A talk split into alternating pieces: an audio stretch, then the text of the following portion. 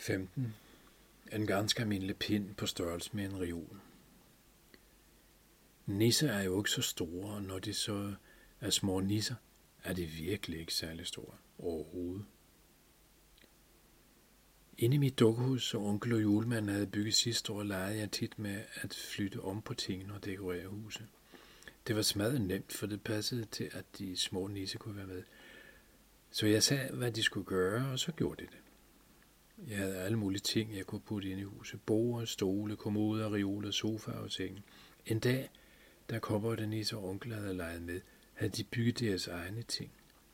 Blandt andet havde de bygget en reol, som man skulle samle, og ikke nok med det, de havde også skåret mønstre i den.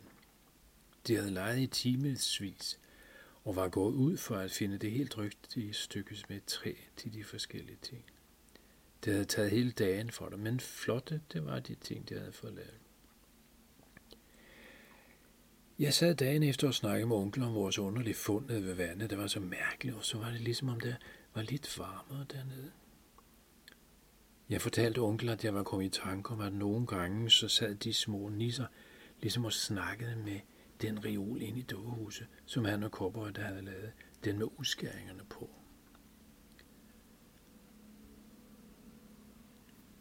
Og ja,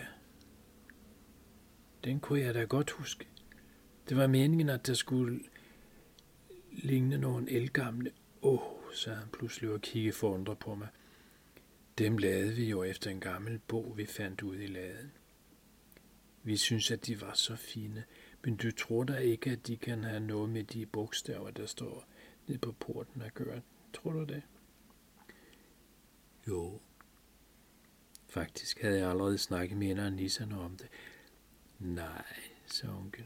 Hvad sagde det? Han var helt spændt på at høre det.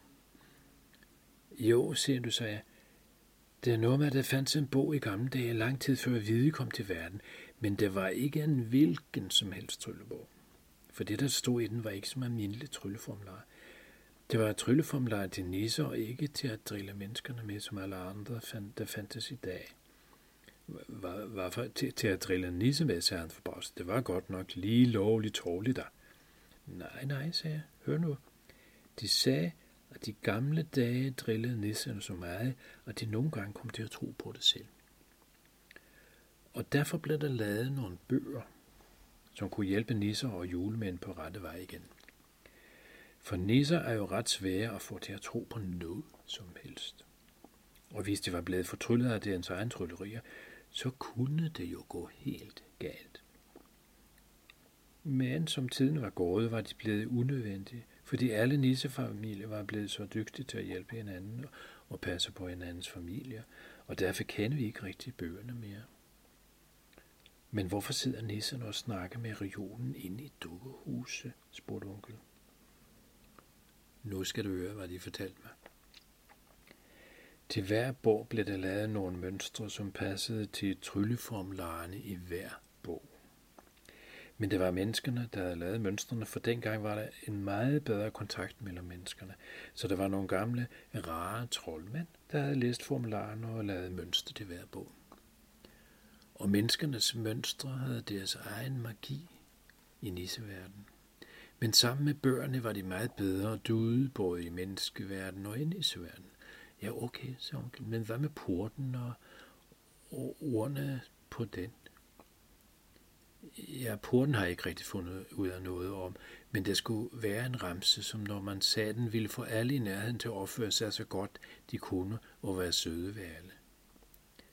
Ramsen er blevet glemt, men det var nogle nisser, der troede på den endnu, og når de er kede af det, kigger de på mønstrene og tænker på dem, der de, de savner og gerne vil gøre noget godt for. Hmm, så onkel. Det er meget interessant. For efter at vi to gik gennem porten, snakkede alle jo om at være med og gøre sit bedste. Tror du, at vi har fundet den ramse, spurgte onkel. Vi må straks finde bogen fra laden frem.